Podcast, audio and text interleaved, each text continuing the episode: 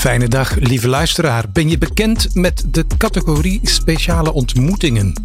Nou, dat zijn ontmoetingen die iets in beweging zetten. En als dat één keer beweegt, beweegt het een soort los van je.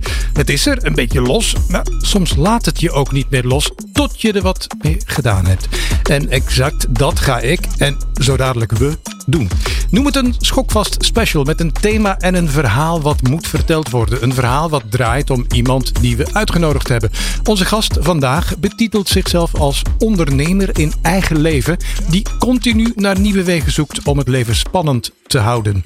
Onderzoeker, professor, ondernemer, CEO, schrijver en een beetje, nou dat zeg ik dan, dwarsdenker. Want stilstand is niet de basisbrandstof in het leven.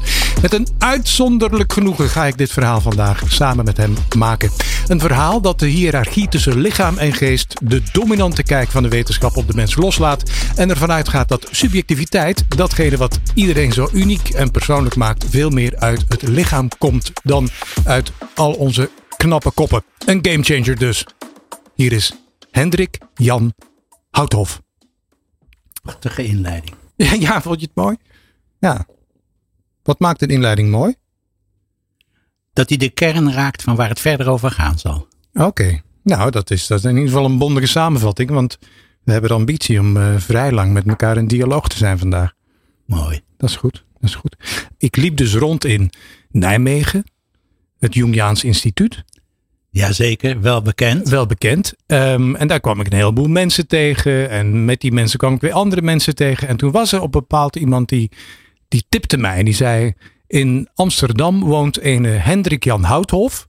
En die is al een tijdje bezig met het schrijven van een boek. Dat, dat, dat tijdje is ook heel relatief. Daar komen we zo nog over te spreken. Um, en wellicht moet, moet je jezelf daar eens uitnodigen.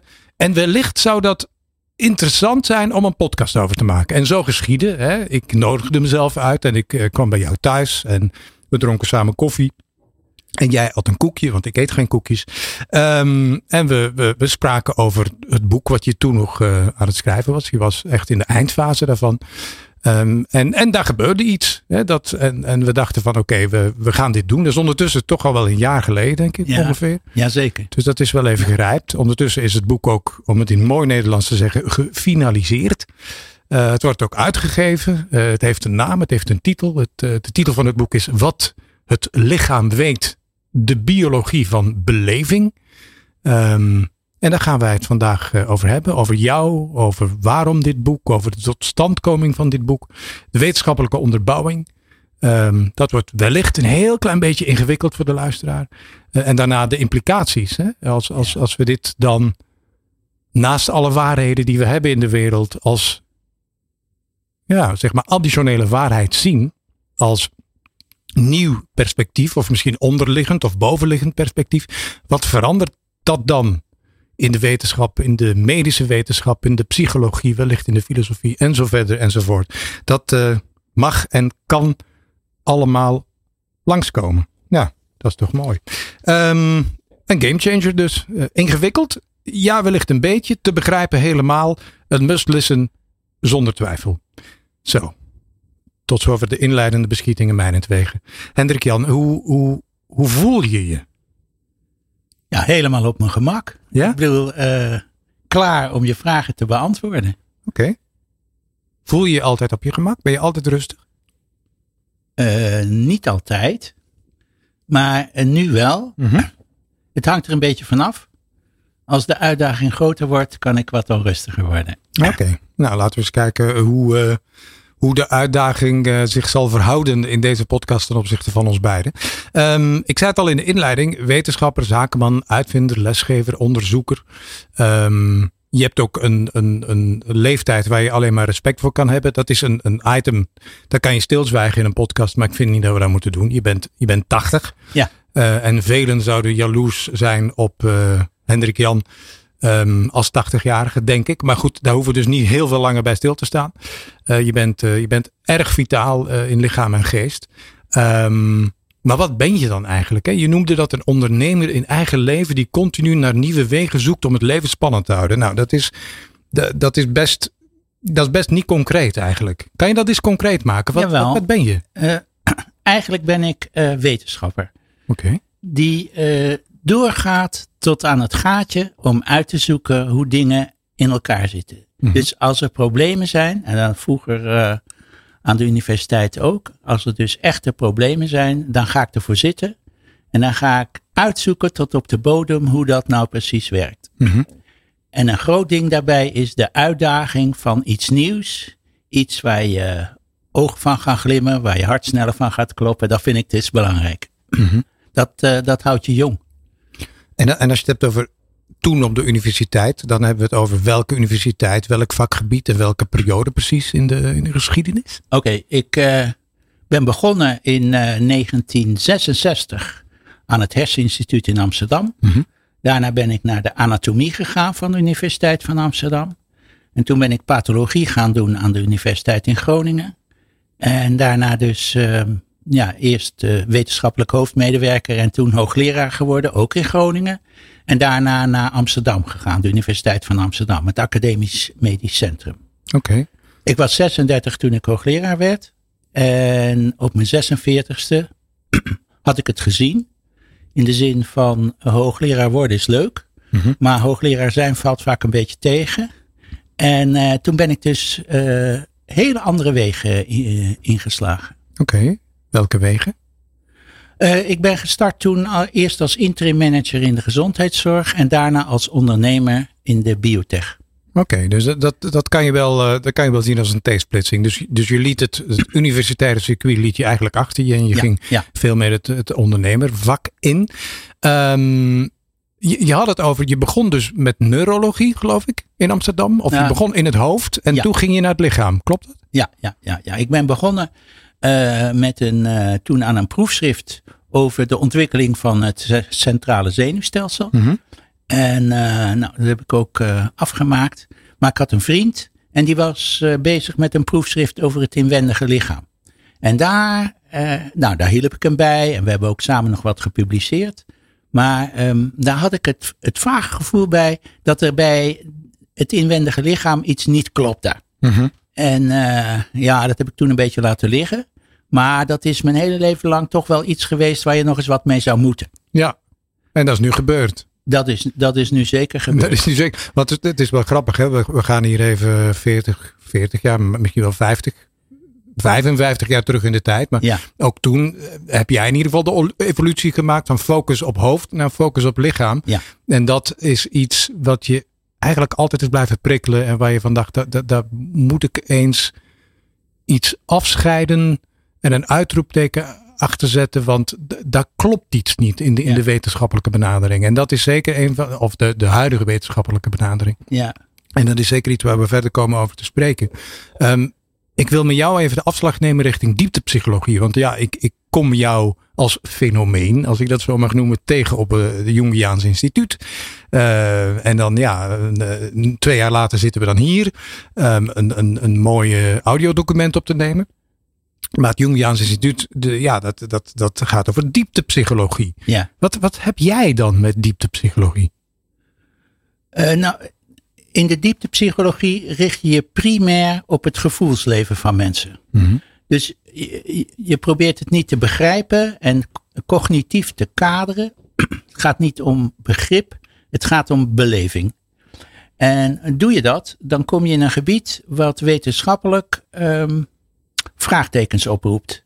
Dus met ons verstand, onze ratio, kunnen we eh, dingen beschrijven Mhm. en ook uitleggen.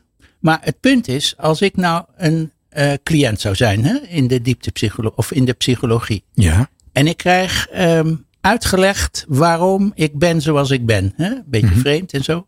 Dus dan heb ik het begrepen. Maar als ik het heb begrepen, dan kan ik het aan andere mensen uitleggen van ik heb dit of dat. Maar het gaat me, begrip is in principe niet de oplossing. Want het gaat erom dat er iets in je verandert. En dat zit dieper dan ieder begrip dat ligt op het gebied van het gevoelsleven. En dat is een gebied zonder woorden. Dus daar kan ik ook met al mijn begrippen en mijn woorden en mijn logica niet terecht. Dat gaat over iets wat zich aan je voltrekt. Ja, iets wat je moet ervaren. Hè? Ja, Het- het- ja. De ervaring staat, staat es- essentieel, want het is het Jungiaans instituut. Dus ja, het, het, het grossiert in de inzichten van eh Carl Gustav Jung. En daar stond de ervaring natuurlijk centraal. Je moet, je, moet, je moet het niet kunnen beschrijven cognitief. Ja, dat is allemaal leuk en aardig. Maar op het moment dat je het ervaart en vanuit de ervaring wellicht ook een andere plek kan geven. Of je Ja. anders toe kan verhouden ten opzichte van de demonen die je eventueel in het leven met je meedraagt. Dan kan je er wel mee. Daar ben ik wel Kijk, eens. ik maak zelf een onderscheid tussen ervaring en beleving. Oké. Uh, als ik uh, zeg maar als ondernemer een werknemer zocht, dan zocht ik iemand met ervaring. Uh, maar um, beleving gaat over iets waar ik veel minder grip op heb. En in de dieptepsychologie gaat het om beleving. En ervaring uh, is wat minder belangrijk. Dit is een beetje een woordspelletje, maar niet echt. Dus uh, ik weet niet. Ja, ik, ik, ik ervaar het als een woordspelletje. Is dat goed? Ja, tuurlijk is dat goed. tuurlijk okay. is dat goed. En de beleving is prettig. Als kind, jij als kind, uh, zijn er dingen gebeurd die je naar dieptepsychologie hebben geleid?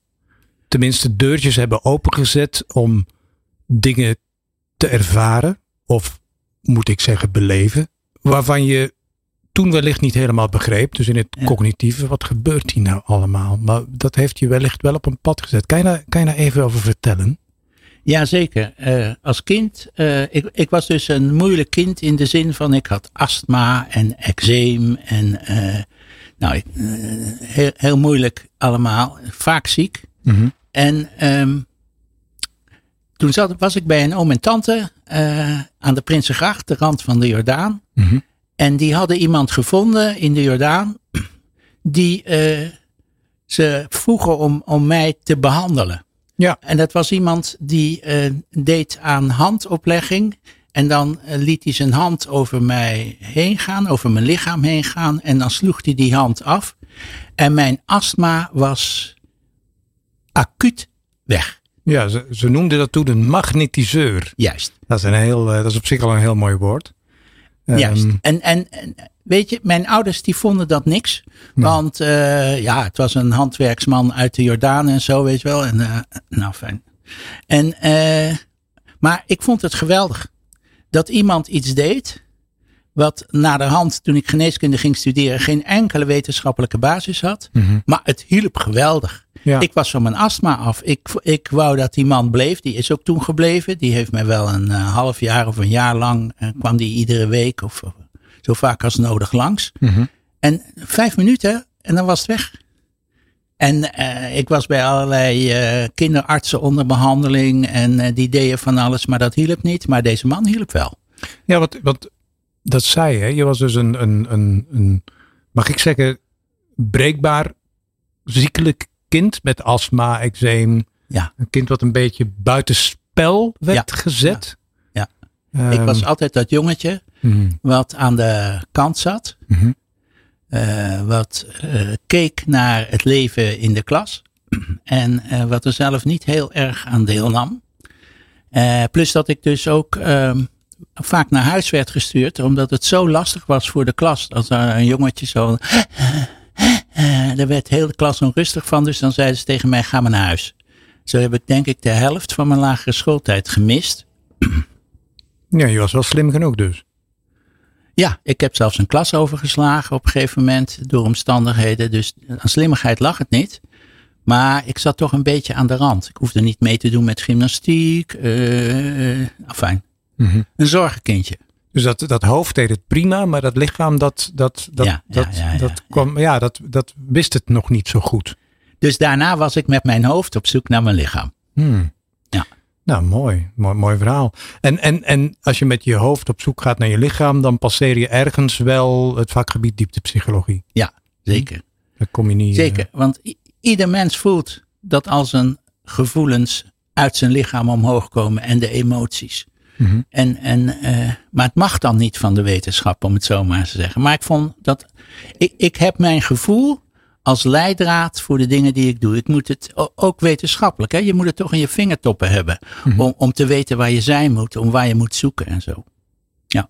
En toen, uh, dan gaan er wat jaartjes overheen. Maar in ieder geval, het, het, het zaadje is geplant dat er meer is dan alleen uh, de zuivere wetenschappelijke benadering als het gaat om allergieën of eczeem of astma. En dat een, een, ja, een, een fenomeen als een magnetiseur een impact kan en mag hebben. Op zich is het ook wel weer mooi van je ouders dat ze dat toelieten. Ze hadden ook gewoon kunnen zeggen, magnetiseur nee. Ja. Um, dus ergens zochten zij wel mee. Zeker, en, zeker. En, en, ze hadden vast een kritische houding, maar ze zetten de deur wel open voor die man. En dat heeft ontzettend geholpen. Um, we, we browsen even naar je ergens tussen je 40 en je 45. En dan kom je een hypnotherapeut tegen. Dat is dan uh, geen magnetiseur, maar het zit wel. Zit, zit het in, hetzelfde, in dezelfde box? Oh, absoluut. Oh ja. Ja, het zit in de, in de paramedische hoek. alternatieve hoek. Wat doet een hypnotherapeut? Vertel eens. Een hypnotherapeut brengt je onder hypnose. Mhm. En laat je dan rondwandelen in je onbewuste.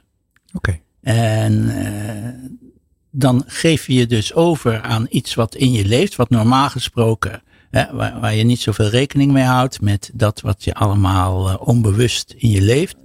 Maar. Zit, zit het in de buurt van de actieve imaginatie, zoals we die toepassen bij een. Uh, ja. Ja? Ja, ja. Gaat dus, het nog dieper? nou, je hebt, je hebt lagen in, ja, ja. in, in hypnose. In, in, in het loslaten van je cognitieve brein. Hè? Mhm. En uh, de eerste stap is dan uh, actieve imaginatie. Mhm. En een tweede stap is lichte hypnose. Mhm. Maar je kunt dus iemand ook onder hele diepe hypnose brengen. En dan kun je hem in allerlei vreemde houdingen laten staan. En dan kan iemand die dat dan normaal misschien hooguit drie seconden zou volhouden, kan dat dan in een en een half uur. En uh, dus in, in al die lagen is actieve imaginatie de eerste stap. Uh, en dan hypnose met lagen van hypnose de volgende stappen. Maar ik ga ervan uit dat je niet ergens uh, in een winkelstraat liep en een hypnotherapeut tegenkwam. Er was ergens een, een, een er leefde iets in jou om naar zo'n persoon te gaan. Ja, ja, ja. I iemand had me verteld ja? dat als je nou je dromen niet meer kunt herinneren, mm -hmm. da, uh, en dat is al tien jaar aan de gang, dan komt dat nooit meer terug. Oké. Okay. En ik was een jaar of 44 of zo. En toen dacht ik, nou, dat vind ik heel naar. Ik wil dus mijn dromen kunnen herinneren. Dat snap ik. Dus toen ben ik naar een uh, hypnotherapeut uh, gestapt. En uh, heb gezegd van, ik wil me mijn dromen weer kunnen herinneren. Kun je me helpen? Mm -hmm. Nou, en dat kon ze. Was een mevrouw. En die, die, nou, die deed toen eerst heel moeilijk. Ik zei, nee, ga maar lekker aan de slag. Zo van, ik vind prima wat er allemaal met me gaat gebeuren. Ik geef me gewoon over ben ik onder hypnose gekomen. Ik heb, uh, nou, ik was stom verbaasd om uh, wat ik daar allemaal uh, tegenkwam en aan overhield. Uh -huh. Maar na een keer of vijf, zes kon ik mij mijn dromen weer herinneren. Dus ik nam het mee naar huis en ging dan op bed liggen en ontspande me dan en ging die weg naar hypnose in. En dan, um, ja, en dan, dat helpt je dan om ook weer te komen bij uh, die onbewuste lagen. Als ik het goed begrijp, kon je toen je dromen weer herinneren. Dus die oplossing die was geboden bij de hypnotherapeut. Maar het was ook een, een hele bijzondere ontmoeting, omdat het de eerste link was, geloof ik, tussen jou en het Jungiaans Instituut. Ja. En daarmee uh, ook een potentiële verbinding of ingang gaf voor jou verder richting de dieptepsychologie. Ja, dat is zeker. Ik was er altijd al in geïnteresseerd geweest. Mm -hmm.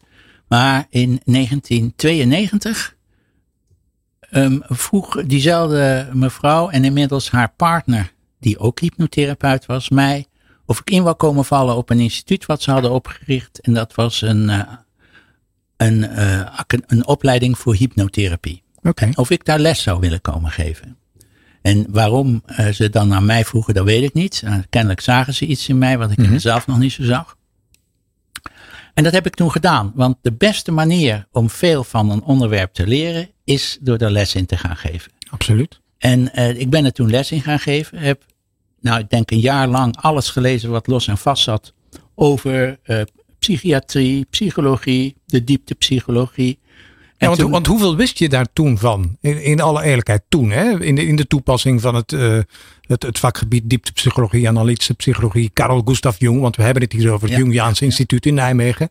Uh, hoe, hoe, hoe verdiepend was je daar al mee bezig geweest in de jaren daarvoor? Nou, dat, dat is heel, dat is heel uh, dubbel. Uh, aan de ene kant filosofisch gezien zeer in geïnteresseerd. Aan de andere kant als hoogleraar pathologie de ver van mijn bedshow. Okay. Dus uh, weet je, je leest daarvan ja, zoals veel mensen dingen lezen, denk ik, maar goed, dat weet ik niet. Uh, en dat is dat je afstand houdt tot zo'n onderwerp. Interessant om over te lezen, maar je betrekt het niet op jezelf. Mm -hmm. En um, de kans die ik toen kreeg was om het ook op mezelf te betrekken. En zo heb ik ook altijd lesgegeven. Om, om mensen te leren om dingen in eerste instantie op jezelf te betrekken. En van daaruit dan te kijken naar cliënten of wat daar speelt. Als, als, als je zelf niet voelt wat zich daar afspeelt bij een ander, dan ben je eigenlijk niet eens goed in staat om een ander te begeleiden. Want welk, welk vak gaf je? Uh, ik gaf een heel aantal vakken. Mm -hmm. En het is dus de basis zo van, uh, de, de heet de pathogenese. Dus hoe word je ziek? Hoe krijg je een psychisch uh, probleem of aandoening? En, um, maar ik gaf ook de diagnostiek. Dat is DSM heet dat. DSM 4 was dat in die tijd. En ik gaf ook filosofie. En ik deed ook samen met de directeur van dat instituut deed ik uh, cliëntengevallen. Dus okay. uh, dan, uh, dan gaf hij een stuk en ik gaf een stuk en samen, dat was hartstikke leuk. Ja, ja de, de, overigens de studenten vonden ook leuk. Ja, ja nee, dat, dat, dat, dat, echt spannend. Nou ja, het, het, punt is namelijk dat ik, dat ik daar natuurlijk de laatste 2,5 jaar wel een beetje heb rondgewandeld in, die, in die contraien. Ja. Um, uh, en aanpalende kavels, om het uh, metaforisch te zeggen. Um, en een ieder die ik spreek, en dan vertel ik wel eens van, ja, wat ben je nou mee bezig? Joris vragen dan, ja, ik, ben ook wel bezig met, uh, met Hendrik Jan om te kijken of we niet een, keer een podcast kunnen maken over het boek wat hij aan het schrijven is. En dan, dan krijg ik altijd een, brede glimlach, een brede smile van de mensen. En dan krijg ik altijd terug, oh, maar die, de lessen van die man, die waren legendarisch. Nou, die kan je in je zak steken, dat weet je dat alvast. Um, Maar goed, ja, we gaan. Je begon met hoofd, hè, Amsterdam. Je, je, je, daalde af of steeg op, dan mag je zelf kiezen naar het lichaam. Dat heeft je dan eigenlijk altijd blijven prikkelen van ja, wat, wat is nou de betekenisvolheid van dat lichaam in, in, in het mens zijn? Dan uh, heb je een aantal ontmoetingen. Als kind heb je ervaringen, gewaarwordingen. Um, en dan gaat het verder pruttelen in je hoofd. En dan kom je tot het punt dat je zegt, ik ga dat, ik ga dat boek nou schrijven. Want dat is ook een feedback die ik kreeg. Ik heb natuurlijk wat research naar je gedaan. Ja. Van mensen dat ze zeiden, ja, maar hij is al wel heel lang met dat boek bezig hoor. Ik weet, niet nou, of dat, ik weet niet of dat ooit nog afkomt, dat boek. Zeg ik, ja, let op, dat gaat gebeuren. Ja. ja. ik heb hem gesproken. Het is bijna klaar en het wordt ja. uitgegeven. In september ligt het in de boekenwinkel. Uh, je bent er heel lang mee bezig geweest, hè? Nou, nou dus vanaf mijn jeugd, om het zo maar zeggen. Maar vervolgens in 2008 mm-hmm. ben ik naar mijn uh, vroegere promotor, Jan Drukker, die toen hoogleraar was in Maastricht, gegaan en heb gezegd: Jan, ik heb wel een idee om uh, dit uh, uit te gaan werken. En ik vertelde over wat ik dan ging doen en Jan vond het geweldig. En wat ging je doen? Wat zei je toen tegen Jan? Dat ik het inwendige lichaam op een andere manier wilde gaan beschrijven als wat uh, anatomisch gebruikelijk was. Mm-hmm. En hoe dan? En uh, nou, alle problemen die ik daarna ben tegengekomen, die zag ik niet. En Jan zag ze trouwens op dat moment ook niet. En, um, nou, en dat was dus de start. En toen zei ik ook, ik ga een boek schrijven. Mm-hmm. En vervolgens ben ik aan de slag gegaan. En toen ben ik tegen een heel groot aantal ernstige problemen opgelopen wetenschappelijk. Mm-hmm. En, um, ja, en ik wilde dat boek niet gaan schrijven als uh, met, met allemaal vraagtekens hier en vraagtekens daar. Dus echt zoals ik gewend was, tot de bodem. En dat heeft, nou, ik denk zeker tien jaar geduurd. Nou, en dan zitten we dus in 2018 en toen ben ik begonnen met schrijven. Dus daarvoor uh, aantekeningen. Uh, oh, research eigenlijk. Ja, ja, want een van de, de dragende thema's in je gedachtegoed, hè, wat dus nu neergeslagen is in een boek, is jouw perspectief op hiërarchie. Ja. Um, niet alleen in het lichaam, maar ook gewoon in de maatschappij. Ja. Je, je, je, geeft me altijd de indruk, en dat is overigens iets waarbij, uh, vind ik persoonlijk ontzettend in verbinden. Je hebt niet zoveel met hiërarchie. Nee, ik heb uh, eigenlijk uh, helemaal niets met hiërarchie. Uh, ik, ik vind het een verouderd principe. Um, er zijn andere mogelijkheden om te kijken naar hoe het leven of de samenleving samenhangt. En als je ernaar kijkt op de manier zoals ik dat doe, dan zeg ik van dat al die bovenliggende zaken, Mhm. dat die zijn dienstverlenend ten aanzien van de samenleving. Ja. En ook in het lichaam is dat die bovenliggende laag, dus de hersenschors, ja, die is dus dienstverlenend aan het lichaam. Als je dat anders ziet, dan eh, ben ik hiërarchisch bezig. Dan kijk ik van bovenaf en dan eh, krijg ik controle en eh, ja, hiërarchie. En in de samenleving krijg je dan bureaucratie hè, om het allemaal onder controle te houden. Als je dat loslaat, dan heb je vanuit de samenleving bewegingen. En die moeten dus gefaciliteerd worden door de bovenliggende lagen. En die zijn dus bezig om zo goed mogelijk rekening te houden met wat in de samenleving leeft. Niet als een hiërarchisch systeem, maar als een niet-hiërarchisch, dat heet heterarchisch systeem. Faciliterend. Dus ehm, als je eh, naar het lichaam kijkt of naar de samenleving, Ja. dan zijn we als mensen eh, geneigd om omhoog te kijken naar de mensen die ons aansturen, de overheid of de hersenen.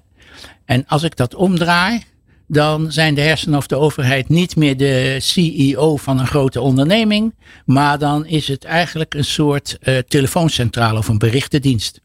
En eh, die ons moeten helpen om, er, eh, om zo goed mogelijk te leven zoals we willen leven. En dat Ja. geldt ook voor alle cellen in het lichaam. En, en, en daarbij de, de hele in hoofdletters en dik gedrukt kanttekening. Op basis van de titel van je boek, wat het lichaam weet. Het lichaam weet dus dingen. En, en, Ja. het, en het hoofd is, is veel eer facilitair om de dingen die het lichaam ook weet. Eigenlijk te, te, te vermalen met de dingen die wellicht ook in de hersenen zitten. En, en op Ja, die manier ja. tot beleving te komen. Dat is een kern van het boek. Dat je op twee manieren in verbinding staat met je omgeving. De ene manier is via je lichaam. En dat voltrekt zich aan je. Dat zijn we ons niet bewust. Maar het lichaam heeft, kan ook de omgeving op zich in laten werken. En via de hersenen kijk ik naar de omgeving. Het lichaam kijkt niet naar de omgeving, kan alleen, kan überhaupt niet naar de omgeving kijken, maar maakt deel uit van de omgeving. En verandert dus, als de omgeving verandert, dan verandert ook eh, je inwendige lichaam. En wat we met onze hersenen doen, is dat we afstand nemen van die omgeving. En dat we ernaar kijken. En dan kunnen we er dus ook een mening over hebben. Maar ehm, dat kun je niet als je alleen vanuit je inwendige lichaam leeft. Juist. En, en daardoor ligt subjectiviteit dus eerder in je lichaam dan in je hoofd. Maar daar komen we straks, eh, Ja, ja, zeker. straks nog op terug. Ja, het is grappig, want, eh, nou grappig, het is, het is markant. Hè? We zitten in een tijdsgevricht, we leven 2023, waarbij er een onvoorstelbare opmars is van eh polyvagaal eh, therapieën, ehm, lichaamsgerichte therapieën, maar bijvoorbeeld ook ademwerk. Hè? Het, het, het aandeel aan ademcoaches of het getal aan ademcoaches eh, hier in Nederland, maar ook in de, in de ons omringende buitenlanden explodeert. Ja. En ehm, daar kan je allemaal heel veel van vinden. En je moet ook oppassen dat je niet eh, verblind wordt door de hype. En je moet het kaf van het koren per definitie altijd pogen te scheiden, hoe moeilijk dat ook is. Maar als je, als je in essentie kijkt naar wat een, een ademcoach of wat hier in een ademsessie doet, is een poging om, om je denken zo sterk mogelijk uit te schakelen. Zodoende dat datgene wat in je lichaam zit en in je gevoel zit, Ja. een plek krijgt en naar boven komt. We hebben, we hebben een tijd geleden nog met elkaar gesproken en toen hadden we het over hallucinaties. En dan had je een heel mooi voorbeeld. Hè? Als je iemand sensorisch gaat deprimeren, wat er dan gebeurt. Even uitleggen wat Depriveren. Depriveren, ja. ja. Wellicht ook deprimeren na een tijdje, maar je hebt volledig gelijk. Het gaat om depriveren. Ja, ja. Toch fijn dat ik eh, iemand heb die mij kan corrigeren. Of is dat een arrogante uitspraak? Nee, Misschien wel. helemaal niet. Heerlijk. Nee, nee, Ehm, nee. Maar iemand dus sensorisch eh, depriveren. Ja. Even uitleggen wat dat is en, en, en wat er dan gebeurt. Nou, als je iemand in een, eh, in een tank plaatst met, waarin water eh, zit van 37 graden Ja. met eh, wat magnesiumzout, dan drijf je daar in dat water op lichaamstemperatuur. Als ik dan die tank waar dat in zit, als ik die sluit, dan krijg je dus, dan, zie je niks meer, je hoort niks meer, je voelt ook niks meer. En dan is de vraag, hoe lang duurt het voordat je waandenkbeelden en hallucinaties begint te Ja, krijgen? precies. Dus elke zintuigelijke prikkel wordt eigenlijk. Ja, alles wordt afgekapt. Ja, dat is sensorische deprivatie. Juist. Eh, Ja. Hoe lang dat duurt? Ja, ik weet het antwoord hoor. Maar eh, we, we kijken even naar onze Onze technicus roept maar wat aan. Tien minuten zegt hij. Nee, nee, nee, veel korter. Ja. Korter. het is twee minuten. Het, het, is, het is trouwens variabel, want de een uh, is sneller dan de ander in het loslaten van uh, de controle. Maar wat er gebeurt, is uh, dat je begint te hallucineren. Juist. En de vraag is dan: is dat hallucineren nou een teken van ziekte? Of is dat een poging tot herstel? Ja. En als je zo iemand in zo'n tank meemaakt, dan is dat een poging tot herstel. En wat dan uit de theorie in dat boek volgt, is dat ik zeg van kijk, als de hersenen even niet uh, actief kunnen zijn omdat er geen zintuigprikkels binnenkomen, dan gaan al die verbindingen heel snel achteruit. Mm -hmm. Dus dat moet continu onderhouden worden.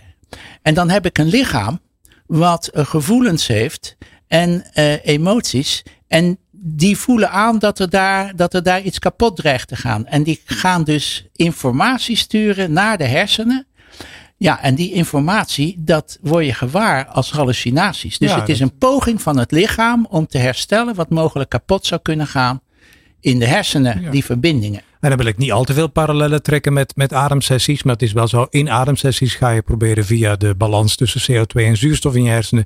ervoor te zorgen dat het denken, ja, wat min, het cognitieve wat minder dominant ja. wordt. Zodoende dat het gevoelsleven en wat onderin en in je lichaam zit. Ja, ja via, via beelden en fantasieën. En tevens ook wel hallucinaties. Ja, naar mag ik eraan toevoegen van, als je dus... Um, als je dus met ademhaling bezig bent, dan kun je voelen dat je dieper in je lichaam komt te liggen. Absoluut. He? Als je dus uh, met inademing en dan uh, mondje, uh, neusje in, mondje uit. Mm -hmm.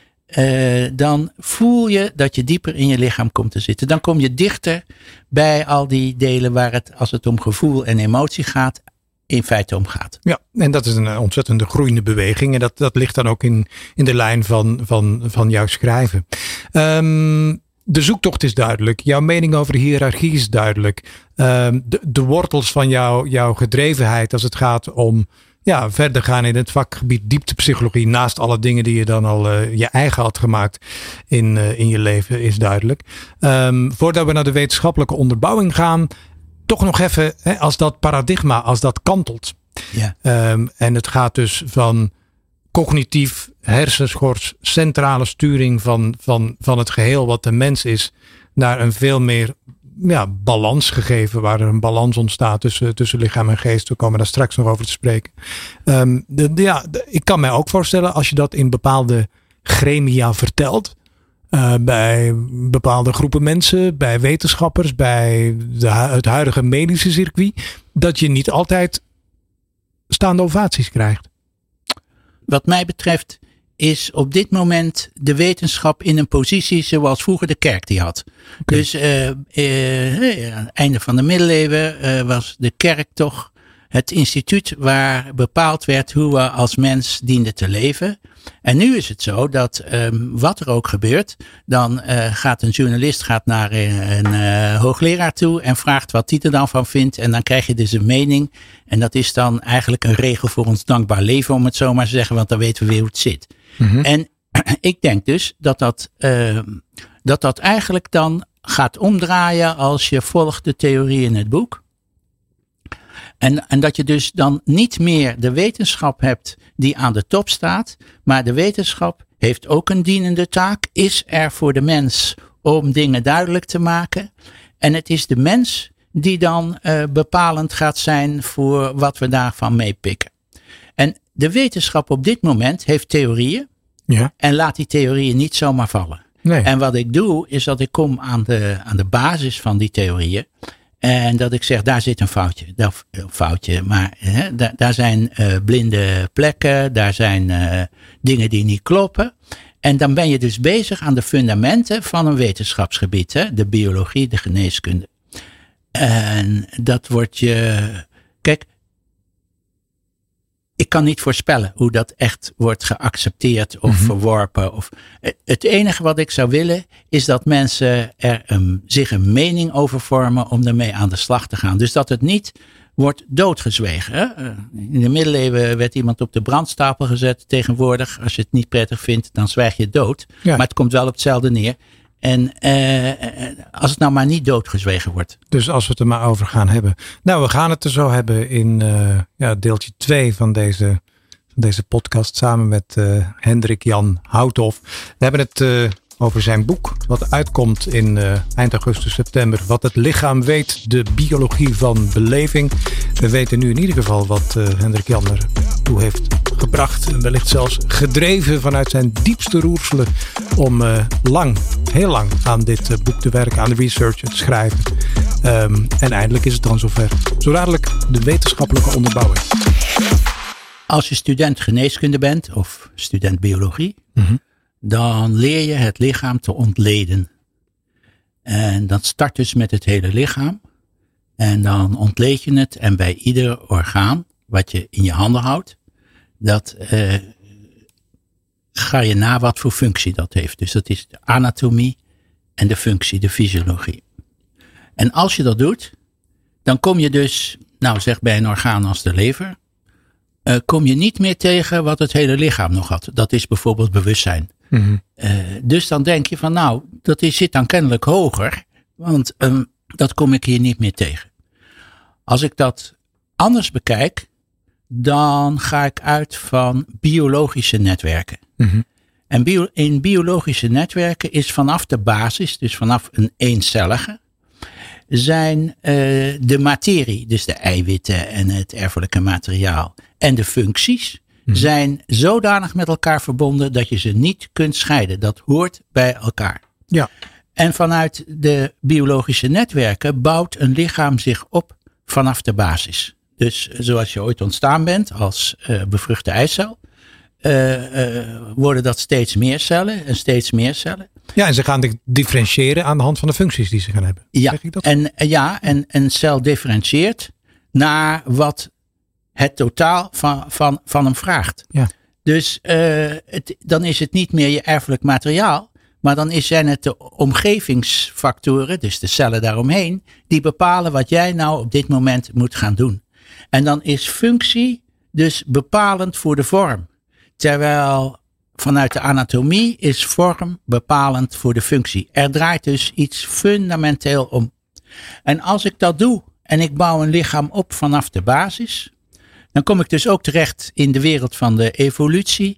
Uh, dus dat kan zijn de evolutie van miljoenen jaren her tot aan de mens nu. Maar het mhm. kan ook zijn de evolutie van de bevruchte eicel tot de, tot de mens die daaruit is voortgekomen. Mm En vanaf die kant bekeken bouw ik dus het lichaam dan op vanaf een eencellige tot aan het totale lichaam. En kijk ik dus eigenlijk van onderaf aan tegen wat ik vanuit de e- anatomie van bovenaf heb ontleed. Mhm. En dan kan ik dus ook uh, zien dingen die ik voorheen niet zag. Ja, wat voor dingen? Nou, um, bijvoorbeeld, um, als ik van onderaf kijk, dan kan ik zien dat de relaties tussen lichaam en geest, dat die al vanaf de basis aanwezig waren. Want in een eencellige zitten ook een aantal functies die we eigenlijk uh, bij de mens toewijzen aan de hersenen. Mhm. Dus een, uh, een eencellige heeft een geheugen. Uh, en wa waarom weet ik dat? Omdat een eencellige zich kan aanpassen. En om je te kunnen aanpassen heb je geheugen nodig en moet je kunnen leren. Kan je een voorbeeld van, van, van geven? Van een, van een eens, mag ook een meercellige zijn hoor. Die zich, die zich aanpast zonder cognitie? Als ik een weekdier neem, Mhm. een, uh, een, een, zeeslak of een uh, octopus of zo, dan um, hebben die geen hersenen. Ze hebben ook geen uh, ruggenmerg en zo. Maar ze kunnen zich prima aanpassen en de octopus is dan ook nog ontzettend slim. Dus heeft veel intelligentie en heeft geen hersenen. dat moet dus uit dat lijfje komen van zo'n octopus. Mm En dat betekent dat in dat lijfje van zo'n octopus alles zit wat je nodig hebt om te kunnen leren, om geheugen te hebben, om gedrag te kunnen hebben, om je te kunnen aanpassen. Dat zit er allemaal in. En als die onderdelen zich gedragen als een netwerk, gaande van cellen tot hubs, tot nodes, want dat zit er allemaal in. Ja. De verbondenheid tussen die verschillende dingen. Um, dan kom je tot een aantal assumpties met betrekking tot het huidige wetenschappelijke beeld. Dingen die echt anders zijn. Ja, wat echt anders is, is dat wij nog altijd in ons meedragen een binnenwerk. Mhm. Dus dat is je hart en je longen en je nieren en je voortplantingsorganen. Een binnenwerk wat nog net zo is als bij die weekdieren. Die hadden ook al die organen al. Dat is dus veel ouder dan de hersenstam, waarvan dan gezegd wordt dat dat een heel oud, evolutionair oud deel is. En het is onafhankelijk. Ehm, nou, op dit moment is de theorie dat vanuit de hersenstam het hele inwendige lichaam wordt aangestuurd. Maar exact dat ben jij aan het challengen. Dat heb ik dus ter discussie gesteld. En daar had ik die netwerken voor nodig. En toen heb ik gezegd van nou, eigenlijk zou dat inwendige lichaam ook als er geen hersenstam was, prima moeten kunnen functioneren. Kijk maar naar weekdieren of eencelligen. Mhm. Ja, en dat heb ik uitgewerkt. En dan kom je dus een aantal grote hobbels tegen. En die heb ik moeten oplossen. En daar heb ik inderdaad veel tijd voor nodig gehad. Dat was een soort van eh, detective story. Dus eh, dan kom je echt een groot probleem tegen. En dan dacht ik van, eh, nou het zal 2010 geweest zijn of zo. Van nou, dit, dit ga ik nooit meer oplossen. Dat, dat wordt me te dol. En heb ik alles terzijde gelegd. En een halfjaartje niks gedaan. Maar het bleef kriebelen. En dan ben ik toch weer aan de slag gegaan. Zoeken, zoeken, zoeken. En dan vond ik uiteindelijk een doorgang. En zo ben ik verder gegaan, heb ik al die hobbels opgelost, totdat ik dus uiteindelijk kon gaan schrijven. Maar de hobbels zijn denk ik datgene wat op dit moment de wetenschap tegenhoudt om te omarmen eh, wat in de samenleving al leeft. Kom maar op met je hobbels. Nou, de eerste hobbel is dat de hersenstam aanstuurt het inwendige lichaam. Mhm. En ehm, dat is een hiërarchisch systeem. Als ik daar nou in de plaats van een hiërarchisch systeem eh, biologische netwerken zet, dan zouden ze zichzelf moeten kunnen aansturen. En dat kunnen ze dus ook, behalve dan dat er één ding is wat echt tegenhoudt. En dat is dat de zenuwen van het autonome zenuwstelsel worden beschreven als motorisch, Ja, uitvoerend. Exact. En, ehm, en dan kom ik een aantal merkwaardige dingen tegen. Zoals dat ik in een zelfregulerend systeem eigenlijk meer terugkoppeling zou verwachten als in andere delen van het lichaam. En er is minder. En zo zijn er een heel aantal. En dan is er één oplossing en dat is dat die motorische zenuwen van het autonome zenuwstelsel, dat die dus niet alleen motorisch zijn, maar ook signalen kunnen teruggeven. Precies dat het twee kanten op gaat. Dat Ja. ze niet alleen sturen, bij wijze van Ja. spreken, maar, maar ook dingen ja, teruggeven. Dat is, dat is dan. eh, en, en dan ga je zoeken. En wat je dan vindt, to- ja, tot mijn grote verbazing, is dat nooit echt is uitgesloten dat ze niet ook sensibel, dus de andere kant op, Mhm. signalen zouden kunnen doorgeven. Ze zijn er zo automatisch van uitgegaan in de wetenschap. Hè, wetenschappers zijn ook kinderen van hun tijd. Dat het van boven naar beneden eh, liep. Dat ze eh, vergeten hebben om aan te tonen dat het niet ook de andere kant op ging. Ja. En dat is een, eh, een theorie van, eh, nou, van een filosoof uit de vorige eeuw, Karl Popper. En dat was de falsificatietheorie. Ik bewijs iets vooral ook door aan te tonen dat het tegendeel niet waar is. En dat hebben ze niet gedaan. En dan is er één ding wat, wat ik dan heel belangrijk vind. En dat is, ik start dat boek met een hoofdstuk waarin staat wat er dus allemaal eh, eh, waar je anders tegenaan zou kunnen kijken als wat men nu doet. Dus ik zei, deze, daar heb ik een vraagteken bij, die kan eigenlijk niet kloppen, enzovoort. Dat zijn er zeven. En vervolgens, als ik dan die theorie eh, formuleer, een paar hoofdstukken verder, dan los ik al die problemen daarmee op. En dan moeten er inderdaad nog proeven gedaan worden. Dus het is nog een theorie. Maar dan zeg ik wel, wat ze nu hebben is ook een theorie, want er zitten ook nog open plekken in. Dus ja, ik, kom met een theorie, maar de theorie die er is, dat is ook nog maar een theorie, want er zijn onbewezen dingen. Dus En eh, als iemand zich geroepen voelt om aan de bewijsvoering te willen gaan werken, dan eh, mogen ze je bellen. Nou, ik heb ik achter in het boek een eh, bijlage staan. En daar heb ik exact in beschreven hoe ik, als ik het zou moeten doen, die proeven zou uitvoeren. Inclusief de apparatuur die je ervoor nodig hebt, wat je zou moeten doen. Dat staat er helemaal in. En dan heb ik toch nog een laatste kraker. En dat is eh, dat die theorie die ik formuleer, Mhm. daarin kun je de theorie zoals die nu is uitdistilleren door een paar dingen weg te laten. als je dus weglaat dat de signalen twee kanten op door, worden doorgegeven, dan krijg je de oude theorie weer terug. Maar trouwens ook de problemen die ik in hoofdstuk 1 beschrijf. Ja. En uh, dat is uh, voor filosofen, voor wetenschapsfilosofen, is dat een belangrijke reden om een theorie acceptabel te vinden. Dat de oude theorie zoals die er was, dat die als een deelverzameling in de nieuwe zit. Ja, precies. Het, het is niet dat je het uh, van zijn voetstuk schopt, maar eigenlijk integreer je het in een stap vooruit met betrekking tot ja. inzicht in hoe ja. geest en lichaam nou ja. precies met elkaar werken. Ik vond het ook heel mooi in het, in het boek en in, in de verhalen en de gesprekken die we vooraf hadden, had je, een, had je het heel simpel gemaakt. Zei, luister Joris, als het hoofd, die hersenen, als die alles moeten aansturen tot in je kleine teen, op elk moment en elke seconde van de dag, in alle dingen die het doet in het leven, ja, dat is energietechnisch ja. Uh, kolder. Dat, dat, dat, dan zou je geen vier boterhammen uh, moeten eten met lunch, maar wellicht 28, want dat red je niet. Nou ja, het is, het is strijdig met een basisprincipe van levende wezens. Hmm. En dat is dat je zuinig omgaat met energie. Um, de energie die je in je lichaam hebt, die kun je gebruiken, die kan werk verrichten. En als je dat niet zou hebben, dan vloeide de energie af. Zoals een steen die warm wordt, hè, als het nacht wordt, wordt die koud. Ja. Gaat automatisch, maar levende wezens kunnen de energie vasthouden. Daar moet je heel zuinig op zijn, want als dat er niet meer is, ga je dood. En, eh, en als je dan inderdaad ziet dat ehm, dus de hersenstam zou moeten aansturen wat er in een grote teen gebeurt. Ja, dan ben ik enorm, want het is een lange weg. Die kost veel weg. energie en dan ook weer terug. Dat is dus gewoon zonde. Dat, eh, dat kan eigenlijk gewoon biologisch niet waar zijn. Het inwendig waarnemen bij de mens, dat vond ik ook een, eh, een mooie topic in het boek. Daar, Ja. waar, daar waar je, ja, er komen via sensoren wel dingen binnen. Maar dat is dan gewoon waarneming. Maar, maar, en, en dan wordt het eigenlijk vanuit het lichaam geladen. Dit is even mijn taal. Eh, kan je daar even wat meer over vertellen? Ja, nou ja, een, ehm, een weekdier heeft ook waarneming.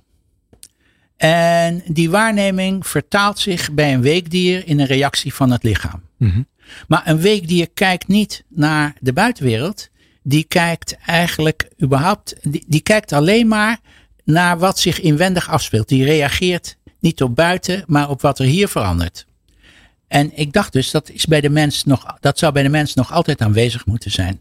En dan betekent dat dat de zintuigen, dat die dus een verbinding hebben met het inwendige lichaam om onafhankelijk van de hersenschors ehm, het inwendige lichaam nog altijd te laten doen wat het ook bij een weekdier doet. Ja. En dan moet je dan dus uitzoeken of, eh, of dat mogelijk is. En de eerste stap om dat uit te zoeken is, is de anatomie eh, aanwezig? Zijn de banensystemen aanwezig? Is alles aanwezig dat het inwendige lichaam nog signalen uit de buitenwereld krijgt? Ja, en, da- en dat was overigens, eh, dat is ook een hypothese. Hè? Die heb je dan verder onderzocht. Dan kom je zo op Ja. de bewijsvoering. Maar dat is ook iets wat in de huidige mensbeeld in de wetenschap niet onderzocht was, toch? Nee, nee wat, we- we- hè, om het even plat te zeggen, wat moet een levercel nou in godsnaam met eh, informatie uit de buitenwereld? Ja, hè? Zo-.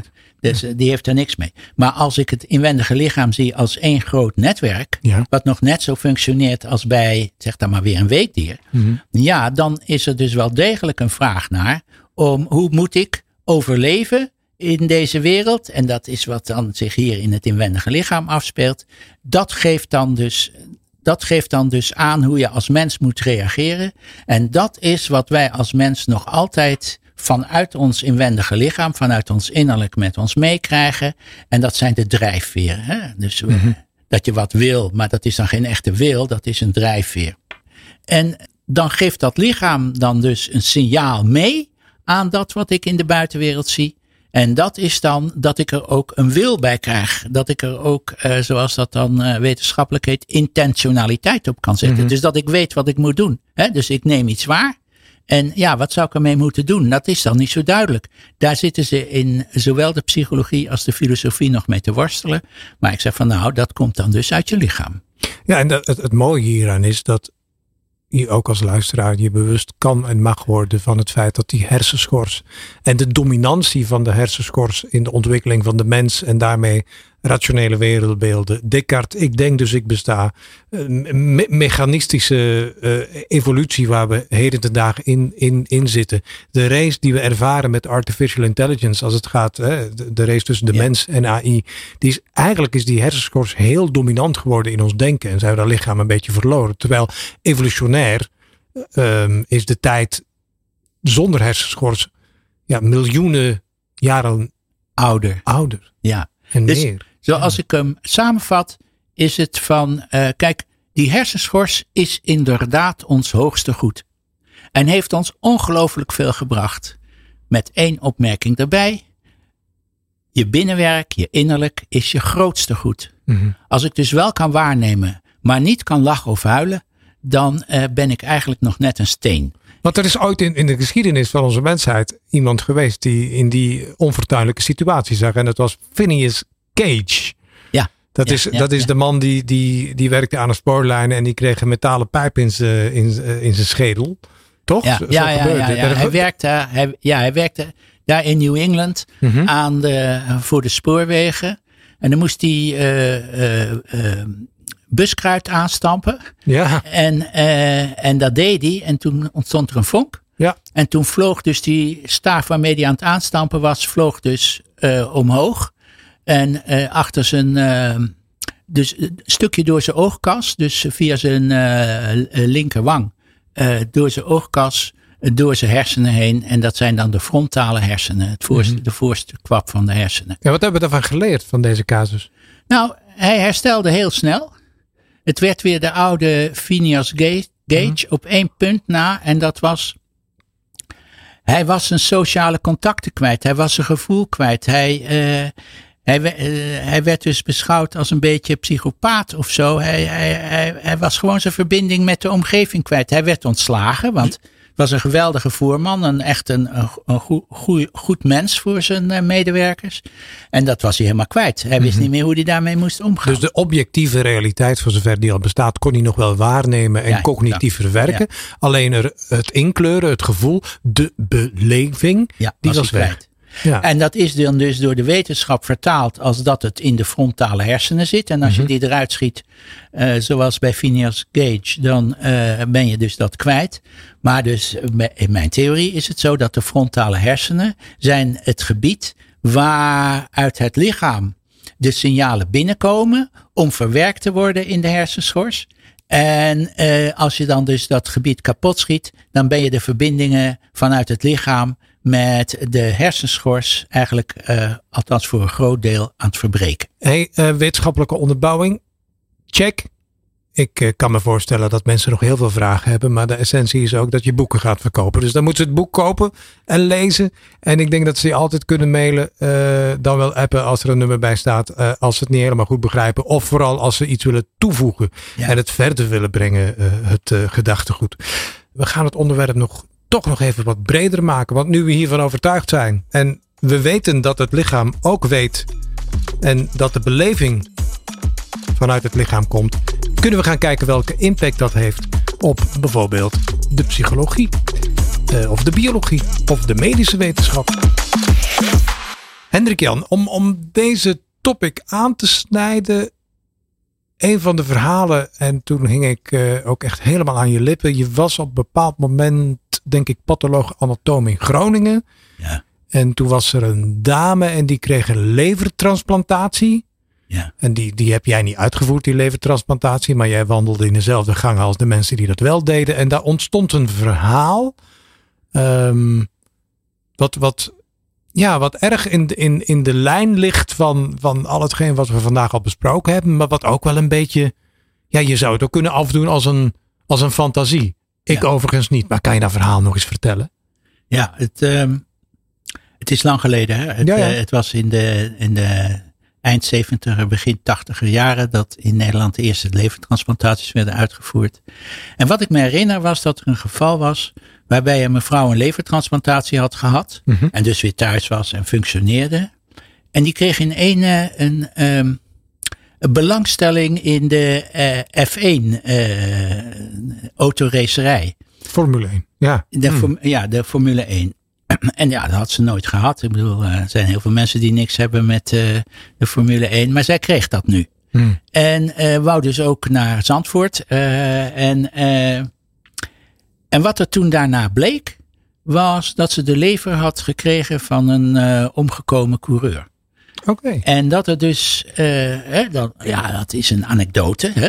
Mhm. en, uh, en dan ook nog een vage anekdote wat mij betreft. Maar het is me altijd bijgebleven. Omdat als je daarover nadenkt, dan krijg je niet alleen de lever van een donor.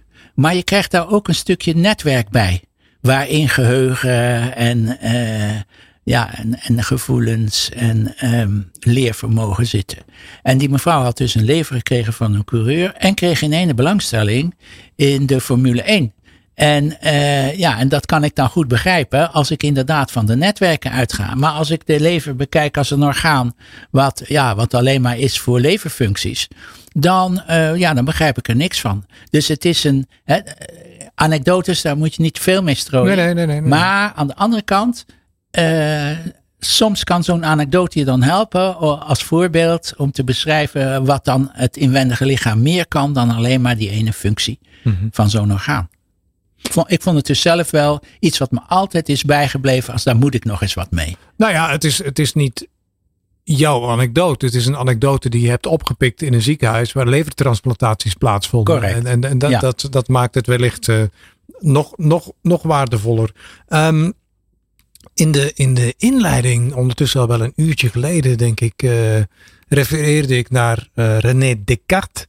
Um, de man die, die mede, denk ik, de verlichting heeft uh, aangesticht. En, en met de bekende frase: Ik denk dus ik besta. Um, als ik jou zo aanhoor, dan is dat een levensgevaarlijke stelling. Ik denk dus ik besta. Hoe sta je daar, hoe sta je daar eigenlijk tegenover? Nou, ik zou het niet levensgevaarlijk willen noemen, maar wel bekrompen. Uh, ik denk dus ik besta uh, schakelt alles uit wat de mens tot mens maakt. Mm -hmm. En dat is het gevoelsleven, dat je in je eigen lichaam leeft, dat je kunt liefhebben, uh, dat je kunt haten. Dat is allemaal af. Mm -hmm. En um, daarmee is het dus voor sommige mensen die zich hieraan vasthouden, kan het dus inderdaad gevaarlijk worden dan, omdat ze al datgene wat een mens tot mens maakt dan hebben weggegooid. Ja. Dus, um, en je kan ervan uitgaan als je het, hè, want als je, als je kijkt naar alle trainingen uh, die er zijn momenteel, dan, dan, dan zijn er eigenlijk twee wereldbeelden. Het ene wereldbeeld, ik denk dat wij dat in hoge mate delen. Dat, dat, dat is een beeld wat uitgaat van het feit dat er meer is dan materie alleen. Mm -hmm. um, dus dat een mens meer is dan een combinatie van van organen. Ja, uh, meer dan de som der delen. Meer dan de som der delen. Dat er dus een soort van meta iets is. En dat ja. je dat ook accepteert als een uitgangspunt. Um, heel mooi was bijvoorbeeld in een van de documentaires die, die Carl Gustav Jung op de BBC gaf in een interview. Toen zei men geloof jij in God? En toen zei hij nee, ik weet. Ja. Dan wil ik niet de afslag nemen richting God. Dat hoeft niet. Um, maar hij had het op dat moment over een weten wat overstijgend is ten opzichte juist van dat hele mechanische wereldbeeld. Ja. Um, als je van die school bent, dan zeg je van ja, zet nou die luikjes open naar die diepere lagen. Ja.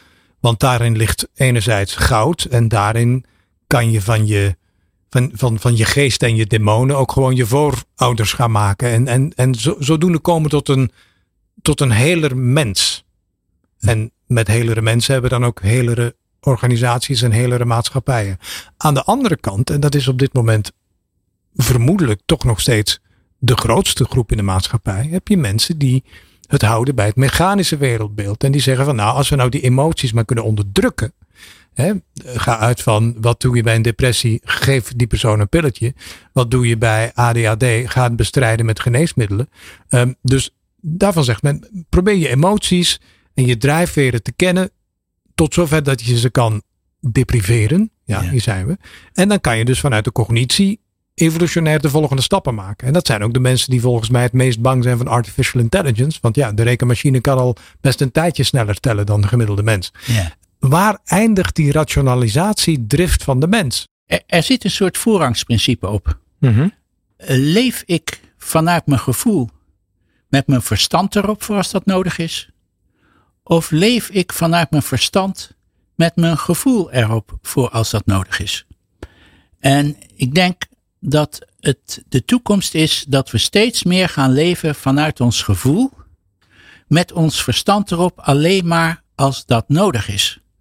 Als wij gevoelsmatig, als we op een diepere laag met elkaar in contact zijn, Mhm. dan, uh, dan kan ik horen achter de woorden die iemand zegt. Dus als iemand kritisch is of een, een, een, um, ja, een, een attitude uh, heeft die, die niet helemaal spoort met de mensen om hem heen, dan wordt zo iemand dan op dit moment genomen naar het rationele. Ja. Mag ik een voorbeeld geven? Ja, zeker. Dennis Wiersma. Hè? Ja. Uh, of uh, Matthijs van Nieuwkerk. Ja. Bevlogen mensen die vanuit hun bevlogenheid bezig zijn om iets neer te zetten. Mhm. En dan staan mensen omheen die dus dan inderdaad uh, nou, een forse tik mee kunnen krijgen, om het zo maar te zeggen. Mhm. Aan de andere kant, die mensen laten zich ook een klap geven door uh, Dennis Wiersma of uh, Matthijs van Nieuwkerk. Dus het punt is, die mensen zijn bezig vanuit hun gevoel, Mhm. vanuit hun drive, vanuit dat soort dingen. En wij zijn dus heel erg cognitief ingesteld. Wij pakken het op de woorden en de, en de, de daden. En misschien moet je, dat, uh, moet je dat eens proberen om te draaien. Zo van, als ik zo iemand tegenover me heb, dan uh, hoor ik goed dat iemand boos is. Mhm. Of agressief. Of uh, nou, wat dan ook. Emotioneel. Hè? En, um, nou, en dat, dat neem ik ook waar. En dan zegt iemand dingen tegen me van klootzak bijvoorbeeld of zo. En dan denk ik, nou, zeker boos. Hè? En, maar ik trek het me niet aan. Mhm. De vraag is of ik me laat infecteren door wat een ander doet. En als iedereen bij zichzelf blijft, dan is het wel zo dat iemand je dus uh, nou, toespreekt op een bepaalde manier. Maar dan moet je je ook bewust zijn dat ik het binnen laat komen om me er dan door te laten beschadigen. Dat hoeft niet. Ik kan het ook door me heen laten trekken. En denken, nou, hij is boos. En uh, nou, dat gaat zo straks misschien wel weer over. Maar in ieder geval niet dat ik me erdoor laat beschadigen. Ondernemer in eigen leven betekent ook dat ik dus sta voor wat ik doe en niet me laat beschadigen door wat een ander doet. Maar dat, dat gaat dan wel gepaard met zelfkennis en zelfrealisatie en heelwording. Ja, en dus is de vraag, moet je nou uh, Matthijs van Nieuwkerk uh, neerduwen? Of moet je de mensen om hem heen wat opvoeden? Uh, dat is de essentiële vraag. En op dit moment zijn we dus inderdaad vanuit de rationaliteit bezig om mensen die vanuit hun bevlogenheid uh, aan het werk zijn, om die even omlaag te duwen. Mm -hmm. Zo van dimmen, want dit kan zo niet tussen ons. Ook weer centraal gestuurd natuurlijk. Heel vaak. Ja, dat, zeker. Dat ze mensen zeker. worden gewoon ontslagen. Ja, en, nou, en dat vind ik dan dus ook jammer. Hmm. Dat, eh, ik denk dat de toekomst is dat we beter als samenleving met de emoties van onze naasten of onze werkgevers of weet ik voor wie om leren te gaan. En onszelf. Ook, Ja. ook, ook. Ik, ik ben uh, voor mezelf een sprekend voorbeeld van het feit dat ik niet altijd even handig was in het hanteren van mijn emoties. En dat ik altijd ontzettend blij ben geweest met de mensen om me heen die daar doorheen konden kijken om te weten dat ik het niet echt tegen hun had. Maar ik was gewoon bezig vanuit mezelf en, en mijn emoties. Niet tegen een ander, hoezo. Maar gewoon vanuit mijn eigen bevlogenheid. Ja. Vanuit wie je was. Ja. He, um, zelfheling. En dan zowel psychisch als, uh, als fysisch. Als je, als je kijkt naar de, naar de dieptepsychologie of naar het fenomeen individuatie. Dan gaat het eigenlijk om, om heler worden. Ja. Om bepaalde delen die dan wel in een schaduw of, of nog veel dieper liggen. Om die ja, te leren kennen. Aangenaam of onaangenaam overigens. Ja. En, maar ze leren te begrijpen en een soort van te integreren in je bewustzijn. En ermee om te gaan. Ze gaan nooit weg. Het zijn delen van jezelf. Um, als, als jouw paradigma, um, en daar ga ik dus vanuit, maar als dat klopt en een goede aanvulling is, Ja. of zeg maar het huidige paradigma omarmt en verder brengt, dan dan is zelfheling hier wel een belangrijk fenomeen. Want tegenwoordig is voor alles, en jij, eh, aangezien DSM in je curriculum zat uh, op het instituut, er is voor alles wel een pilletje of een remedie. Ja, ja, ja. Dan, nou ben ik daar, maar het gaat niet om mij, nogal, nogal kritisch op. Ik denk dat, dat, dat het lichaam en de geest zelfhelende werkingen heeft, als je het maar laat. Maar hoe, hoe, hoe sta je daar tegenover? Nou, dat inwendige lichaam, nog net als bij die uh, weekdieren, hmm. is gericht op overleving. Is gericht op wat er ook gebeurt. Het leven, mijn leven en dat van uh, mijn nakomelingen in stand houden. En dat is een zelfhelend vermogen. Dat is dus de mogelijkheid om wat er ook gebeurt verder te gaan. Mm Waar dat enorm in tot uitdrukking komt, is in religies. Die leren ook, maar dan met God ertussen, van uh, de, de heling die, die het je kan brengen om in God te geloven enzovoort. Als ik die heling, als ik die neem als uitgangspunt, dan is een arts niet bezig om mij te genezen, maar dan is een arts bezig om mij te helpen om onderne als ondernemer in eigen leven mijzelf te genezen. dus heel eenvoudig, wondgenezing betekent dat een arts iets kan doen om de, om de randen van de wond tegen elkaar aan te leggen. En daarna doet de patiënt zelf de rest. Want als de, als de wondgenezing niet meer loopt, dan hoeft de uh, arts ook niet te snijden, want dan is er geen heling mogelijk. Dus het is altijd de patiënt of de cliënt die uh, de zelfhelende vermogens activeert. En als ik dat in, de, in het lichaam, met het lichaam doe, dus in de geneeskunde, ja, dan, dien, dan dient de geneeskunde zich bewust te worden dat ze niet een patiënt genezen, maar dat ze een patiënt begeleiden op weg naar genezing. En als ik dat doe in de psychologie, dan ben ik me niet primair aan het richten op de cognitieve delen van mijn mens zijn, maar op de zelfhelende vermogens die liggen in mijn innerlijk. Mhm. Als ik iemand weer de vreugde van het leven terug kan geven, hè, dat er lichtjes in de ogen komen, de, de wereld van yes, we gaan er wat moois van maken, dan op dat moment kan een cliënt zelf het heft in eigen handen nemen en zelf zijn eigen weg, kiezen op weg naar genezing en een mooie toekomst. En als ik het cognitief maak, dan krijg ik van buiten aangereikt wat ik zou moeten doen om een gelukkig mens te worden. Ja, en dat is dan altijd iets wat van buiten afkomt. Dat komt dus niet uit mij. En daarmee blijft het toch iets van, uh, ja, dat ik me moet inspannen enzovoort. Wat van binnenuit komt, is zelfhelend en doet uh, zelf het werk. Uh, dus dat, ja, dat geef je je dan aan over. Dus, dus moet altijd de eerste route zijn naar, laten we toch even tussen aanhalingstekens genezing noemen. Je, je, je bent zelf een speler geweest in het, in het uh, farmaceutische spel. Ja. Um, dus de, de vraag kan en mag gesteld. Worden er voor bepaalde symptomen niet te snel gegrepen naar een pilletje? Of eh, gaat het, Zeker. Al, gaat het wel allemaal goed zo? Uh, uh, nou, twee dingen. In de eerste plaats, als je iemand op weg wil helpen naar genezing, dan moet er in de start meestal wel een hobbeltje genomen worden. Mm Daar kan medicatie enorm bij helpen, op welke manier dan ook. Maar als ik de zelfhelende vermogens van iemand wil activeren, dan moet ik daarna wel met die pilletjes ophouden, want die pilletjes doen wat eigenlijk het lichaam had moeten doen.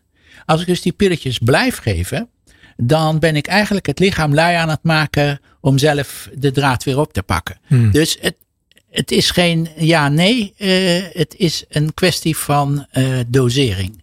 In de start kan het heel belangrijk zijn en daarna moet je proberen om de pilletjes te verminderen, om de zelfhelende vermogens van cliënten weer te activeren. Zowel in de lichamelijke als in de geestelijke gezondheidszorg. Wat het lichaam weet, de biologie van beleving. We gaan uh, zo langzaam zeker een strik uh, rond deze podcast doen. Um, misschien een beetje een recht toe recht aanvraag, maar waarom moeten mensen dit boek lezen? dan wil ik het wel lagen. Ik denk dat mensen uit de wetenschappelijke wereld Ehm, nou, ik kan het in ieder geval van harte aanbevelen. Ze Mhm. moeten niks, maar Nee. eh, ze mogen. En eh, dat het een, een uitdaging vormt. Mhm. Een uitdaging om te zien hoe iemand ook anders om kan gaan met bestaande theorieën, zonder dat hij de feiten geweld aan doet. Dus de feiten zijn bij mij de feiten gebleven, maar de setting van de feiten, de theorieën daaromheen, daar heb ik dus de feiten anders in verpakt. En dan is het dus de uitdaging om te kijken, ja, eh, in de huidige wetenschap, van kan ik dit weerleggen? Kan ik zeggen dat die houdt of die had dus eigenlijk gewoon geen gelijk? Dat, dat is de uitdaging die erin zit. Daar zou je mee kunnen leven, hè? Oh, tuurlijk kan ik daarmee leven. Het gaat mij niet om dat ik gelijk krijg. Het gaat erom eh, eh, dat we verder moeten en dat je op zoek bent naar de wegen hoe dat verder moet. Juist. En als dat op een andere weg is, nee, dat is mij prima. Het, het gaat er maar ook niet om dat ik met hoofdletters dan eh, daarop sta. Nee, maar dat er een beweging komt om eh, iets te veranderen in een samenleving die nu een beetje vastloopt in de symptomen, in de cognitie, in de dit en in de dat, in de spelregels, eh, in de hiërarchie. En dat je daar de dynamiek weer in moet brengen. Nou, zoals ik dus als kind ook op het schoolplein bezig was. Weet je wel? Dat, en Ja. dat, dat is de eerste laag. Dat zijn die wetenschappers. Een tweede laag gaat over ehm, onszelf als mens in de straat, in ons dagelijks leven. Als je je bewust bent dat, je, eh, dat er veel uit het lichaam komt, dan ehm, kun je ook zelf op een andere manier eh, eh, met je ideeën en je impulsen omgaan. Dan, hè, wat we nu vaak weg proberen te duwen, in het kader van cognitie, weet je wel, ik word dus, eh, begin nu echt emotioneel te worden, zeg maar. En dan weet ik, dat moet ik dus wegduwen, want eh, hè, dat kunnen we echt niet hebben. Maar dat het er mag zijn. Mhm. Er- Er is een groot verschil tussen eh, de, eh, de demping, het onderdrukken van emoties, hè, van agressie bijvoorbeeld, eh, en het reguleren. Ik kan mijn agressie alleen maar reguleren als het er eerst mag zijn. Het moet dus eerst naar buiten en dan denk ik van, nou en dat Jan, deze was eventjes wat te heftig, weet je wel. Mhm. En dan eh, gaan we dus, eh, hè, maar ik kan het pas reguleren als het er mag zijn. En het is eh, net als de prostitutie aan het einde van de vorige eeuw. Je kon iets pas gaan reguleren als je eerst erkende dat het er was. Mhm. Toen men nog zei in de politiek van dat het er niet was, ja, dan kon je het ook niet reguleren. Klopt. En eh, dus het moet er mogen zijn. Mhm. Als mijn emoties er mogen zijn. Als mijn laagste lusten mogen leven naast mijn hoogste aspiraties. Als dat allemaal in mij zit en het mag er zijn. Dan kan ik daarna gaan reguleren. En daar heb ik dan die hersenschors voor Nou, nodig. het is ook de acceptatie en, en het weten waar het zit. Ja. Want ja, je kan, eh, je kan wel het spreekwoord zeggen: ik heb een knoop in mijn maag. Ja. Of ik heb er buikpijn van. Weet je, in de taal, het grappige is, dat, dat is dan heel simpel. En voor de man en de vrouw en alles wat daar tegenwoordig tussen zit in de straat. Maar we gebruiken het in de taal al, alsof het een wetenschap is. Hè? Ja, en maar we zijn er ook eigenlijk als samenleving voor een groot deel al intuïtief van overtuigd. Ja. Dat een heel deel van waar wij als mensheid mee te maken krijgen, problemen enzovoorts, dat dat komt uit dit gebied. En dat zie je aan de alternatieve geneeskunde, waar eh, ja, eh, mensen dan gaan naar een hypnotherapeut of gaan naar een acupuncturist of, eh, nou, dat kan me niet schelen. En dat komt omdat die mensen A. Het, de, de aandoeningen, de problemen anders benaderen dan de reguliere psychologie en geneeskunde. Maar B, omdat ze ook meer, eh, ze zijn niet bezig met jou als een symptoom, eh, als een eh, ziektebeeld, maar ze zijn bezig met jou als totale mens. Ze zien jou als mens. Dus je kunt toch nog wel in de psychologie en de geneeskunde tegenkomen dat je wordt gezien als, weet ik veel wat, longkanker of zo. en, ja, nee, ik geloof het. en daar moeten we dus iets mee doen. En dan ben je dus niet meer die totale mens, maar dan ben je dus een ziektebeeld. Dus het kan mensen helpen ook zichzelf in eerste instantie te zien als een totaal mens met alles wat daarbij Ja, hoort ja, aan paradoxen en licht donkere Zeker. tegenstellingen. Nou mooi, we weten nu eh, wie het boek eh, mag, mag, mag lezen. De, de, de wetenschapper die een beetje weer met zijn voetjes eh, in het voelen mag komen en wat verder weg van de cognitie. En, en de gewone mens in de straat, waarvan je zelf al eh, eerder zei van ja, die is eigenlijk hier al mee bezig. Hè? Kijk maar wat er allemaal oppopt aan, eh, ja, aan alternatieve geneeswijzen en zo verder enzovoort. Nou, ik, ik zelf moet zeggen dat ik het, ik heb het met plezier gelezen. Het was niet altijd even makkelijk. Maar wat, het heeft mij vooral geholpen om te begrijpen dat het ergens zit. En dat het er mag zitten, uh, maar wel dat het er echt is. Um, en dan in combinatie met, met vrij veel ademen, uh, het te benaderen. En, ja. en, en, en die wisselwerking was voor mij wel uh, buitengewoon inspirerend en, en heeft mij veel gebracht. Dus uh, ontzettend dank daarvoor, voor al die inzichten. Maar vooral ook wil ik je bedanken um, voor het komen naar de studio, voor het meemaken van deze podcast. Voor die keren dat we elkaar gesproken hebben bij jou thuis, bij mij thuis. Um, en de verdieping die dat heeft gebracht. Um, ja, dat was toch wel een, uh, een feestje, vond ja. ik. Ja, dat klinkt misschien heel stom. Een feestje. Klinkt nou, mag ik dan, dan zeggen, ik vond het hartstikke leuk. Ja, toch? Dank je. Ja. ja. Lieve luisteraar, dit was een uh, schokvast special. Nou, hopelijk ben je er nog. En volgende keer weer. Tot dan. Dag hoor.